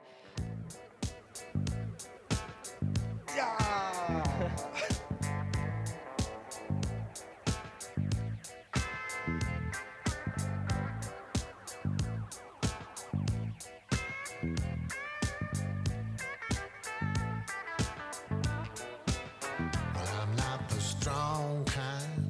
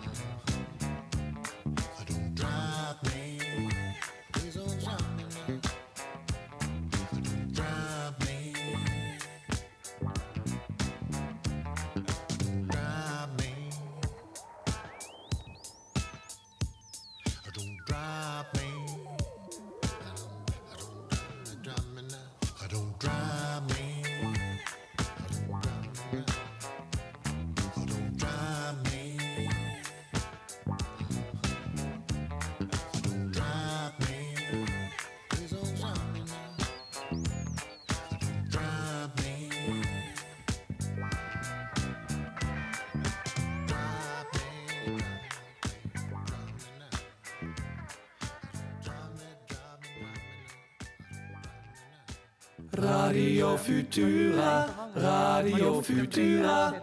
Zodat die stemmen en die vragen gehoord worden. En Alright, denk ik, horen we niks. Ja, we zijn weer terug in Frascati 3. En eh, we hebben het over co-creatie. En we zitten hier nog steeds met topduo Naomi en Timo. We hebben tegenover mij hebben we Urias. Eh, links van mij hebben we Graciela. In de lucht hebben we Simon hangen. En ze hebben allemaal te maken met co-creatie. En daar vraag ik ze ook op. Ehm, ik wil eigenlijk... hey, ik hoor twee verschillende nummers er doorheen. ja, komt helemaal goed. Oh, wat zij hebben met co-creaties. En ehm, hoe hebben ze het eigenlijk ervaren, deze co-creatie? We hebben iemand die er eigenlijk middenin zat. Haar naam is Graciela. En eh, ik heb net de Timo en eh, Naomi een aantal dingen gevraagd over in hoeverre is het... eh, Een project wat echt samen opgaat. en niet ehm, middels één richtingverkeer. Hoe heb jij het ervaren? Ik moet zeggen, heel prettig, omdat ehm, tijdens de introductiegesprek of het introductiegesprek eh, ging eigenlijk de ideeën over en weer. Er was heel veel ruimte om een verhaal te vertellen. Eh, heel veel ruimte, dus eigenlijk waren Naomi en Timo als een soort van spons. Ik, eh, ik nam ze mee eigenlijk door de flat en naar mijn deel van de galerij, waar ik eigenlijk een soort van guide was in die flat. En ik ze mee terugnam naar mijn jaren 70, 80. En ehm, die samenwerking die is dusdanig op een prettige wijze gegaan, omdat zij via de eh, opgenomen stukken mij via de app steeds vroegen: en wat vind je hiervan? Is dit hoe wij het moeten zien? Hoe moeten wij het interpreteren? Eh, vind je het prettig als we het op deze manier doen? We krijgen ook andere verhalen binnen. We gaan het op die manier insteken. Dus echt kijken, doen ze recht aan eh, het verhaal van een ieder? Past het in het beeld van de 70, 80 of alleen sec 70 of sec 90? En wat, wat ze dus daadwerkelijk hebben gedaan, ze hebben, ze hebben die verhalen vastgelegd in die luistervoorstelling. En dat is iets wat ze teruggeven, teruggeven aan de kinderen, aan het gebouw, als zijnde eh, blijvend, waar we terug naar kunnen luisteren, ook door kunnen geven. Alleen eh, wat ik vind dat het wat breder uitgezet moet worden, zodat het daadwerkelijk blijft hangen, beklijft en eh, in, in meerdere kopies in Zuidoost eh, terechtkomt. Wat betekent dat het letterlijk overal vertoond moet worden? Of zo? Beluisterd. Beluisterd? Ja, zeker. Ik ben van mening van wel. Want het is een, een verhaal uh, uh, die gestoeld is op uh, verschillende tijdperken. Hè. Er zijn verschillende kinderen die eindigen tot millennium 2000. Het begint bij de jaren 70. Het is de visie van een kind opgroeiende in hetzelfde stadsdeel. Ja. Wat, wat zijn de raakvlakken? Wat zijn de wensen? Wat zijn de uitdagingen? En als je de voorstelling hebt beluisterd, zie je dat er zoveel overeenkomsten zijn. Raakvlakken met? Nou, met dromen, wensen, hoe staan ze in het leven. Uh, ik vond wel, als ik heel eerlijk mag zeggen, dat ik een van de meest positieve was. ja. Dat viel me echt op. Dat vond ik ook. Omdat mijn leven was gewoon een paradijs daar. Ja. Ja, dat, dat heb ik ook zo opgemerkt. Ik ben uh, toch erg benieuwd over uh, ja, mede-eigenaarschap, als ik het daarover mag hebben. Mhm. Mm -hmm. voelde jij je mede-eigenaar? Als het gaat om de inbreng van wat ik zeg maar uh, heb ingebracht, mijn deel zeker. Want er werd mij echt gevraagd van, uh, uh, dit is de manier hoe we het gaan neerzetten. Hoe kijk je ernaar? Maar Naomi die zei ook, nou kijk, dit is een stuk recensie wat in de krant is gekomen. Hoe vind je dat het geschreven is? En dan gaf ik gewoon mijn, als ik het zo maar zeg, ongezouten feedback. Gewoon mm. boel, boem, nee, zo wel, zo niet. Misschien moet je het zo insteken. Dus inderdaad, ze staan zeker wel open voor die co-creatie en, en, en uh, de mening en de feeling van degene waarmee ze het maken. De mensen waarmee ze het hebben gemaakt. Ja, en het, uh, het product um, wat je uiteindelijk hebt gekregen, Mhm. mm -hmm. want dat is wat ik, wat ik hieruit haal, wat jij hebt gekregen en de rest van de interview, ja. geïnterviewden, hebben dus een product, de voorstelling, waarmee zij eigenlijk de co-creatie dragen? Of hoe kan ik dit vragen? Tot leven brengen. Tot leven brengen. Dit, de, de voorstelling is het bewijs van de co-creatie. Een onderdeel van. Ja, ik denk dat wij komen er ook steeds meer achter wat voor vormen dit project nodig heeft, of wat voor presentatievormen. Mm -hmm. um, en dat zo'n een voorstelling in het theater is onze eerste impuls, omdat we net van een toneelschool komen en dat medium heel erg kennen. Maar tegelijk gaat het inderdaad ook over, oh ja, hoe kunnen we meer mensen dit laten horen? Hebben we daar die hele theatermachine voor nodig? Um, hoe kunnen we op een andere manier afronden? We zijn ook kleine slaapkamerraamportretten op social media aan het delen. Dus er zitten zoveel zijtakken aan dit project. Um, dat we ook voelen, hoe kunnen we steeds meer mensen, ook uit de flat, bereiken? De brug is niet altijd even makkelijk. Mm -hmm. Oké, okay, veel gedachten. Ik denk, de voorstelling of de theatervoorstelling is voor ons altijd een soort afronding geweest van ideeën. Dat we de bewoners uitnodigen als medemakers, dat we samen buigen, dat zij ook weten, we werken daar naartoe. En dan zijn ze weer weg. Dat was in de vorige twee flats zo, omdat we één kleine boog maakten. Ja. Nu is het net iets anders, omdat we zoveel langer blijven. En het is ook heel veel verder. Het theater is veel verder van de flat. Dus die brug maken is, is niet altijd even makkelijk. Dus die voorstelling is niet altijd nu het product dat we dan terug kunnen geven. Dat was in de vorige keren iets meer aan de hand. Mhm. Dus ik denk dat wij ook heel erg zoeken aan wat is, wat is nu het product van deze co-creatie. Is dat dan die voorstelling? Ja en nee, want het is toch ook vooral voor de buitenwereld, zoals Ja. Simon zei. Het gaat Ja. echt vooral over, wij hebben elkaar ontmoet, Naomi en ik en Groeneveen. En dit is die ontmoeting en hopelijk inspireert dat de buitenstaanders om na te denken over ontmoetingen. Ehm, dus in die Ja. zin maken we het echt voor een publiek. Ja. Ehm, en voor een deel, maar ook voor de flat. Dus de, de maar ik denk blijft... dat er een, nog, nog meer gelaagdheden in zitten hoor. Ja. Veel En op welke manier Ehm? Simon wilde wat zeggen? Ja, ik, ik zie jullie niet, dus het voelt altijd heel onbeleefd. Als ik Nee, joh, gewoon doen. ik, eh, Ja. Maar ehm, er is een theatermaakster waar ik heel veel mee samengewerkt heb, die heel goed is. eh, Stefanie Klaas. Ze is ook mijn vrouw. Ehm, ja, dus- Jij hebt echt humor, hè, Simon? Nee, nee, nee. En eh, ze, zij, zij heeft ooit in een interview gezegd, en ik vond dat zo goed. En ze zei, ja, wij krijgen... Dus we hebben veel voorstellingen samengemaakt. En ze zegt, ja, wij krijgen vaak complimenten omwille van het sociaal engagement. En dat sociaal engagement gaat dan altijd over de inhoud. Dus je werkt met mensen in precaire omstandigheden of met psychiatrie of, of sociale hoogbouw. En dat is dan ons sociaal engagement, dat we met die inhouden bezig zijn. En ze zegt, ja, dat, is eigenlijk, dat klopt eigenlijk niet, want onze, onze, het, uw echte sociaal engagement is dat je bereid bent om je vorm gewoon aan te passen. Tot het klopt. En tot het klopt voor de mensen waar je mee werkt. En ik ben beginnen filmen omdat ik in een psychiatrie met iemand werkte die theater niet kende, maar wel de cinema kende. En, en, zo, en dat is het mooiste, dat de mensen waar je mee werkt, dat zij jou brengen tot middelen waar je eigenlijk nooit zou aan gedacht hebben. En dat je bereid bent om, om die dingen waar je denkt dat je zo goed in bent of die op school geleerd hebt, om die achterwege te laten en andere dingen te proberen, omdat die plek erom vraagt. En dan ben je je vorm aan het aanpassen. En ik vind het de, de mooiste manier om, om zo je auteurschap ook een beetje op te geven. Omdat je dan, dat kan wel zijn dat je hele mooie teksten schrijft, maar als de mensen waar je mee werkt alleen farsi spreken, dan moet je iets anders doen. En dat is het leuke. Dan wordt het echt spannend, denk ik. Zeker. En ik kan me ook gewoon heel goed voorstellen dat je, dat, dat jou als kunstenaar superrijk maakt. Het is een soort interne school. Ja, dat is het. Dat is, vol- volgens mij zijn daarom deze omstandigheden echt hele ja, echt exper- eh, exper- experimentele omstandigheden of zo waar je binnen werkt. En dat is, ehm, ja, ik vind dat vaak veel spannender dan in een black box te gaan zitten met mensen voor wie het vaak ook heel vanzelfsprekend is dat ze op scène staan. En je métier, het is, een Vlaams woord, maar dat wordt dan uitgedaagd als je met mensen werkt voor wie het niet vanzelfsprekend is. Ja, dat, dat geloof ik ook helemaal. Eh, en die niet vanzelfsprekendheid brengt nieuwe, verrassende dingen met zich mee. Dat is ongeveer ook wat je bedoelt, toch? Ja, absoluut. Ja. En dan wordt het leuk, hè? Dan wordt het leuk. En Onvoorspelbaar. ja, sorry, wat zei je? Onvoorspelbaar. Onvoorspelbaar. Ja, ja. Zeker, ik kan me ook voorstellen dat daar hele mooie kunst uit komt. Maar Urmias, wat ehm, ehm, de theaterwereld, de kunstenwereld, de podiumkunstenwereld.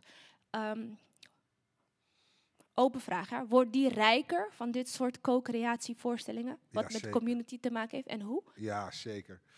Nou, hij wordt rijker omdat je eh, door te co-creëren, eh, dat simpele feit al door mensen erbij te betrekken die doorgaans niet met, met deze kunsten in aanraking komen, dat is op zichzelf al, al, al betrek je maar één persoon uit de flat erbij die nog nooit naar het theater is geweest of daar heeft over nagedacht. Dat vind ik al de rijkdom eh, daarvan. Ehm, wat dus als het gaat over co-creatie, even over dit project, ben ik heel erg eh, blij met, met jouw inbreng, de positiviteit. Eh, want dat was een van de dingen die ik ook zei tegen eh, Timo en Naomi, dat ik heel blij was dat, dat het stigma wat, wat, wat de Bijlmer heeft in heel veel mensen hun hoofden nog steeds in 2020, eh, dat het werd weggenomen door de manier waarop jij vertelde eh, hoe jij de, de Bijlmer hebt beleefd Mhm. wonen daar. En, en dat vind ik belangrijk. En dat is een enorme rijkdom, want dat betekent dat je gaat werken aan beeldvorming. En dat is iets onbetaalbaars. Het feit dat mensen anders kunnen gaan kijken eh, naar zo'n eh, naar zo'n stadsdeel, dat vind, ik, dat vind ik heel erg belangrijk. Ja. Ehm, en dat doe je door middel van die co-creatie. Ja, dan, dan ben je, wat mij betreft, wel echt op het goede pad. Absoluut. Ehm, ik vraag me dan ook af. Ehm, ja, eh, beeldvorming is heel erg belangrijk. Ehm, toch, het is echt omdat ik alleen jullie voorstelling heb gezien. Stemmen uit beton. Ik heb deze voorstelling gezien, of gehoord eigenlijk, en gezien. Het was ook visueel heel sterk, absoluut. Heb ik één verhaal heel goed onthouden. En dat was het verhaal van ik, meneer Hofman. Heet hij. Hofman? Ja. Millie. En ehm, over zijn eh, opgroeien met eh, ehm, zijn hossel op straat. Zijn drugsdeal hossel. En niet eens alleen maar op straat. Op een gegeven moment ging hij eh overzees. Ehm, en eh, dramaturgisch was het zo goed geplaatst dat ik vond dat we daar naartoe gingen. En daar ben ik mee naar huis gegaan. En ik heb een aantal mensen gesproken die zijn ook daarmee naar huis gegaan. Het is dat ik jouw stem herkende. En eh, ik, ik jou ook meenam omdat we ongeveer hetzelfde hebben meegemaakt. En dus dan identificeer ik me sowieso met Gracielle, omdat ze ook een vrouw is. En ze klonk waarschijnlijk zou wel van dezelfde generatie. Dus daar ga je mee naar huis. Maar ehm, de dramaturgie was voor mij ook zodanig opgezet dat het beeld wat ik van de Bijlmer heb, en ik was met mijn lief toen, dat het dan toch gaat over de jaren zeventig en de drugs en, eh, en wat er toen gebeurde, hoe verromantiseerd het ook was. Hij heeft het heel smeuig verteld en Hm. super komisch ook, zeer zeker. Maar eh, hoe, in hoeverre ben je verantwoordelijk voor hoe wij daar weggaan en wat wij weer meenemen over de Bijlmer, zeg maar? Ja, dat is een hele goede vraag. Daar hebben we toen in die eerste try-outs dat we het aan het testpubliek lieten horen, ook het over gehad. Van het, kijk, we hebben een soort steekproef gedaan eigenlijk. Want we wilden in vijf decennia eh, vijf kinderen eh, vinden ehm, en die hun verhaal laten vertellen. Dus eigenlijk is het een soort steekproef waarbij die waarheid dan even de vertelling is. En we hebben het ook met elkaar gehad over, ja, die drugs, die komt heel veel aan bod.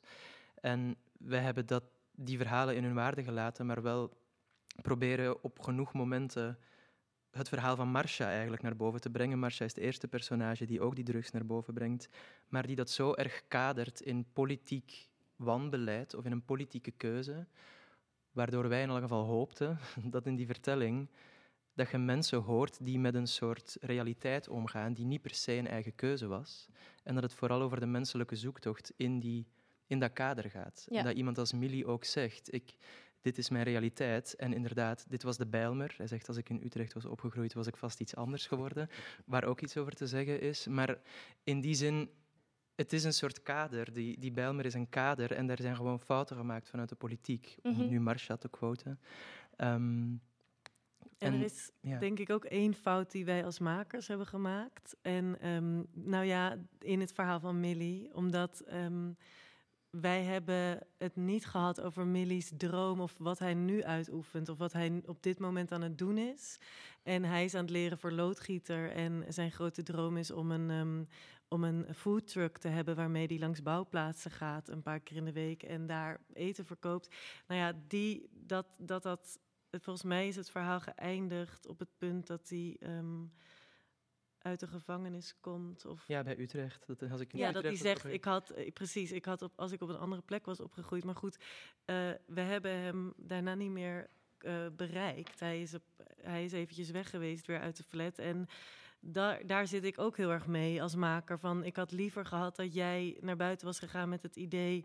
Millie heeft die keuzes gemaakt door, door, de, door, doordat Belmer op, die, op dat punt in zijn leven op die manier in elkaar stak. Door politiek wanbeleid. Maar op dit moment is die 31 jaar en is die dit aan het doen. En dan hadden we... Willy is, die, eh, is meneer Hofman. Ja, ja, dat is meneer ja, Hofman. Die zit inderdaad nu in een eh, avondschool om voor loodgieter te leren en heeft een hele andere droom. Ja. Maar dat verhaal hebben we nog, hadden we niet met hem in audio of in materiaal. En we, en we kregen hem ook niet meer te pakken net in die twee weken, omdat hij in een familiaal ritueel zat. Waar Ja. we, nou, nu hebben we weer contact met hem en nu gaan we het er vast met hem over Hey, hebben. er is geen goed en fout, hè? Het is Nee. meer wat Nee, ik... maar eh, Maar om te kaderen heel- hoe- ja. Ja, weet je, ik vind dat ook jammer. Ik, ik snap dat jij met zo'n gevoel weg bent gegaan. En ik, ik, ik vind dat even jammer, denk ik, als maker. Omdat je wilt dat verhalen tot hun recht komen en dat mensen zich helemaal herkennen. En dat staartje van die laatste jaren, hoe het nu met hem gaat en wat, wat hij nu aan het doen is, zit niet in zijn portret. En daarom ben je met dat beeld van hem vertrokken. Terwijl wij inmiddels een veel completer beeld van hem hebben. En ik denk ook dat, dat Graciela heel erg eh, aan het eh, promoten was in haar verhaal, wat ook heel goed werkte. En, en, en, en de gezelligheid en de sociale ehm, Cohesie. cohesie. En eh, ik, ik krijg een sein en ik raak helemaal in paniek. Kom maar. Ja, ja. Oh, die was ik even vergeten. We hebben nog een audiofragment, die gaan we zeker laten horen. Eh, even mijn verhaal af te maken en ik wil even Simon nog wat vragen. Ehm, ja, daar, da- dat, daar was ik. Ik hield van die tegenhang. Omdat het inderdaad, weet je, de zoveelste verhaal over de Belmer gaat waarschijnlijk over die, ehm, die tijd. Want dat was ook de meest reurige tijd, absoluut. Ik ben heel blij dat het eindigde met die kids. Want die kinderen geven hoop. En, en inderdaad, hun dromen hadden, hadden, waren dezelfde dromen als elk kind. En, en, en daarin voel je wel weer dat jullie die poging tot hè, verbinding en die brug die jullie willen maken naar de rest van de wereld, daarin is dat zeker gelukt. Ik ben daar gevoelig voor. Absoluut. Ja, want, want als ik ben gevoelig voor verhalen die ik wel ken, Ja. maar die altijd op de voorgrond staan.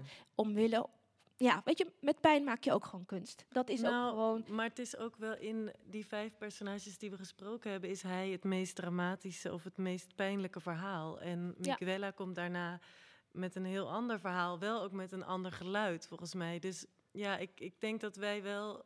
Er is geen. Het is niet dat we alleen maar. ehm, nou ja, dat- hij was niet het enige verhaal. En ehm Miguela en de kinderen daarna geven een heel ander beeld, denk ik, van Zuidoost. Maar toch heb je dat onthouden. Dat, ja, dat Ja, ik denk dat het ook met de dramaturgie te maken heeft. Ik denk ook met het verloop van de voorstelling. Eh, ik, ik sprak nog met een, een eh, regisseur, collega van mij, die is ook geweest op een hele andere dag. En die had hetzelfde verhaal onthouden. Nogmaals, het is niet dat dat dat niet kan. Dat is gewoon een keuze van de kunstenaar. En Simon, ik ben heel erg benieuwd in hoeverre ben jij bewust van jouw regieschap, jouw keuze in materiaal. En dan ga ik de audio van eh, Stemmen uit Beton laten horen. Ehm, ja, ja eh, eh, ik maak de voorstelling, ik steek die in elkaar. Dus het is, ehm, de uiteindelijke regie ligt bij mij. Maar de leidraad om te monteren en om het verhaal te vertellen is altijd de onderhandeling tonen die je hebt moeten doen of die je gedaan hebt. Bijvoorbeeld in de, in de eerste voorstelling weet ik nog, er zat op een bepaald moment een zwart beeld in, eh, op de video, omdat er een scène gecensureerd was door een bewoner. Omdat hij zei van dat mag je niet tonen, en voor een hele goede reden. En dan, eh, dan zeggen we ook gewoon, ja, deze scène is er niet, want die is gecensureerd door die persoon omwille van die reden. Dus ehm, ik, ik vind, ik geloof niet in een soort onzichtbare hand die dan dat heel meesterlijk allemaal bespeelt. Je ziet mij gewoon klooien. Je ziet mij gewoon prutsen om het in elkaar te krijgen. En dat vind ik de eerlijkste positie om het, eh, om het verteld te krijgen. Om, omdat ik ook gewoon meestal er ook nog niet klaar mee ben. Omdat ik ook nog niet altijd goed begrijp wat er allemaal gebeurd is. En Ja. dat, dat gevoel probeer je over te brengen. Ehm, en ik vind dat een meer waardevolle regie dan dat ik een soort meesterlijke, onzichtbare hand zou zijn die het allemaal mooi vertelt of zo. Ja. Ehm, ja. Ik ga een stukje laten horen van Stemmen uit Beton. Ik moet heel eerlijk tegengeven, ik heb er twee gekregen. Dus ik ga nu op twee knopjes drukken waarvan ik niet weet welke welke is. Maar we gaan gewoon eh, luisteren. Dies Irae betekent de dag van de hoede. Dies Ira betekent deze dag. Noyam Permito betekent dat mensen ons niet meer kunnen zeggen dat we te klein zijn voor de wereld, om de wereld te begrijpen. Bij het tweede stukje. Ego Somio betekent mijn dromen. Ja, no somiamus betekent wij dromen. Quid comodo. Ja, is wat of hoe. Imaginatu futuro. Betekent Imagine the future in het Engels. Dus hoe hoe de toekomst eruit ziet. Unos quisque fox. Betekent de stem. elke stem mag Waarin elke stem zo niet waarin elke stem van sound van kan klinken. van liedjes kan klinken. Dus eigenlijk het hele liedje gaat over je dromen en de toekomst. Ja. En wat denk je daarbij? Niks. Je hebt toch wel dromen, bepaalde dromen? Eentje, En wat is je grootste droom? dokter te worden. Precies. Two, oh, one, two, three, one, two. Oh, oh, oh, dat was hem. Oké, ja. Lieve mensen, we gaan luisteren naar het tweede couplet van het Dies Irae, gezongen door de kinderen die opgroeiden in Flatgebouw Groeneveen in Amsterdam Zuidoost. Dies ire, dies illa, non am permito me de dare su imperio comprendere Io sogno, non sogniamo, in comodo immaginando futuros, futuros, futuros, sonari.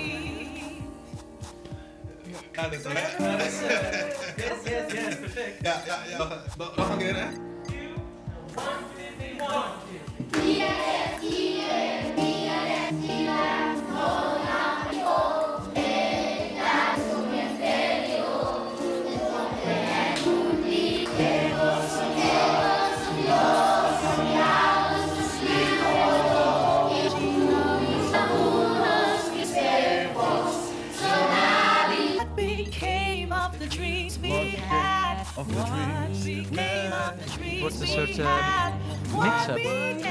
Of the dreams we had?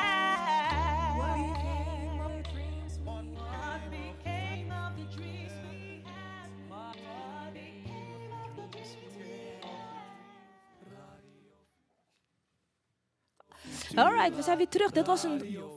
Ja, dat was een jingle. Dat is een stukje uit eh, de voorstelling Stemmen uit Beton van Timo en Naomi. En eh, we hoorden onder andere de kinderen van eh, de flat Groeneveen. En zij leerden een eh dies irae. Yes. Zeg ik het goed aan?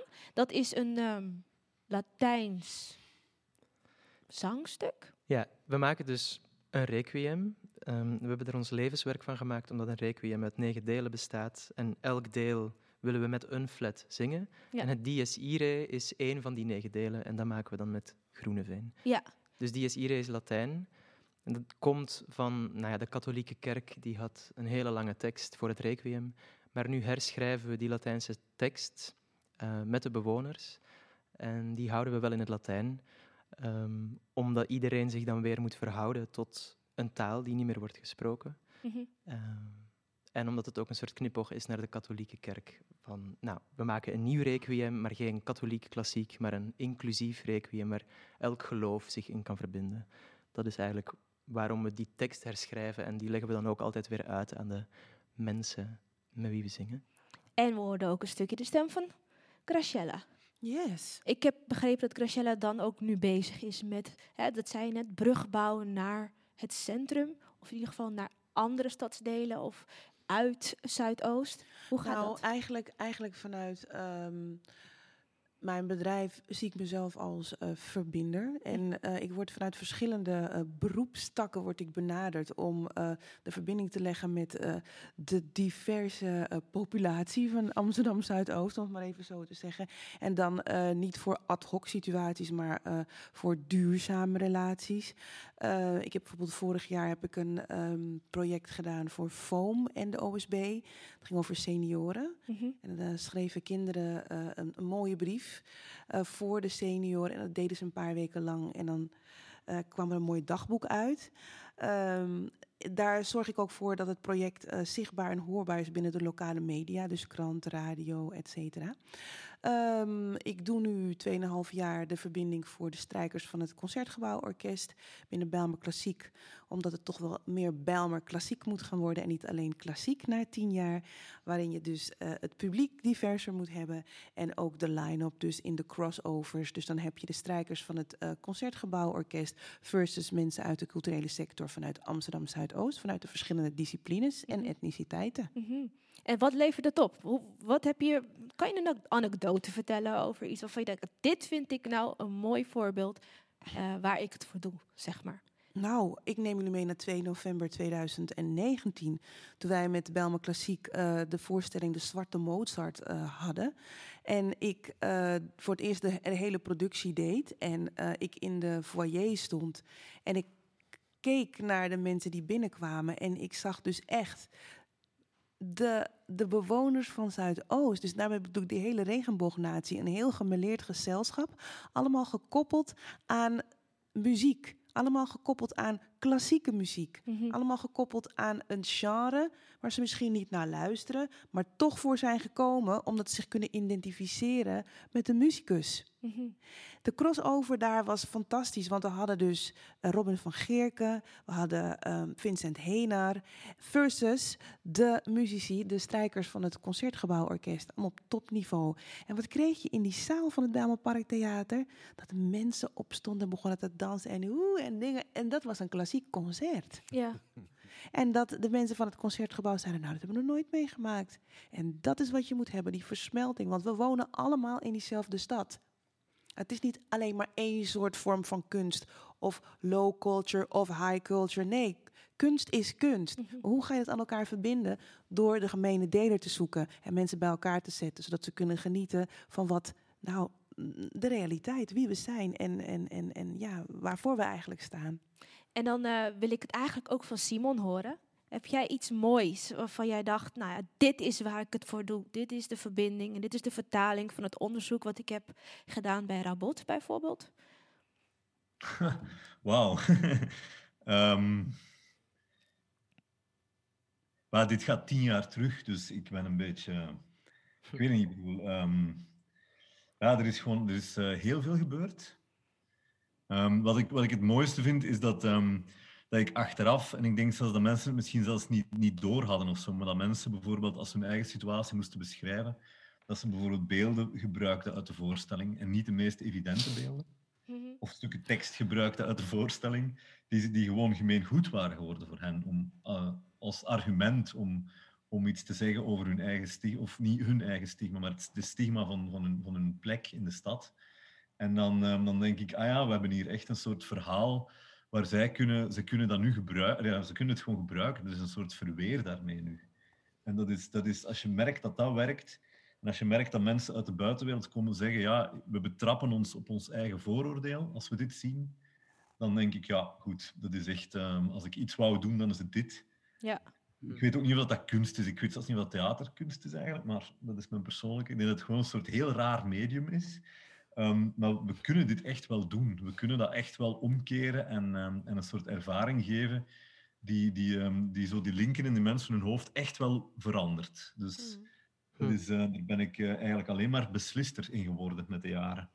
Ja, ik begrijp je. Eh Urias, Ja. als we naar de toekomst kijken, waar gaan we heen wat betreft co-creatieschap? Ehm, eh, waar zit de duurzaamheid als je dat zelf belangrijk vindt of niet? Bijvoorbeeld als je kijkt naar stemmen uit beton en als je Graciela's verhaal hoort en die van Simon. Ehm, jij als niet-witte Nederlander weet denk ik al- als geen ander hoe belangrijk het is, hoe belangrijk ownership is. Mhm, mhm. Eh, En je vraagt concreet, waar gaan we heen? waar gaan we heen? Waar gaan we heen, Urias? Of waar moeten we heen? Misschien is dat makkelijker. Ehm, nou ja, ik, ik, ik zou zeggen, we moeten meer naar dit soort, eh, dit soort projecten. Dat, dat zou ik heel tof vinden als er, ehm, als er meer gebruik wordt gemaakt van, van co-creatie. Ehm, we moeten meer naar verhalen die. ehm, nou, toevallig, ik kwam hier naartoe en toen zat ik op de fiets en ik dacht, omdat ik nu bezig ben met film, ik dacht, ik zou het zo te gek vinden als er een initiatief zou starten in de Bijlmer in Zuidoost.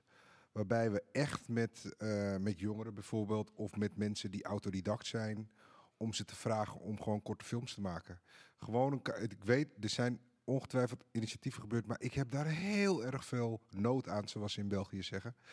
Ik zou dat heel fijn vinden. Eh, daar moeten we heen. Dat, dat ehm, denk ik. Dat er ook vanuit de gemeenschappen zelf, ehm, omdat ze een Naomi hebben gezien en een Timo, dat ze denken: oké, maar we gaan zelf dat, eh, zelf dat ook doen. Ehm, en dan op basis van gelijkwaardigheid, dat we elkaar daar dan vinden, de mensen die wel academisch zijn geschoold en de mensen die autodidact zijn. Ik, ja, daar, daar droom ik zelf van. Dus het stimuleren van, of het prikkelen van, of het inspireren door Ja. bijvoorbeeld een Timo en Naomi, help je hen om zelf eigenlijk de helpen? camera's of de Whatever.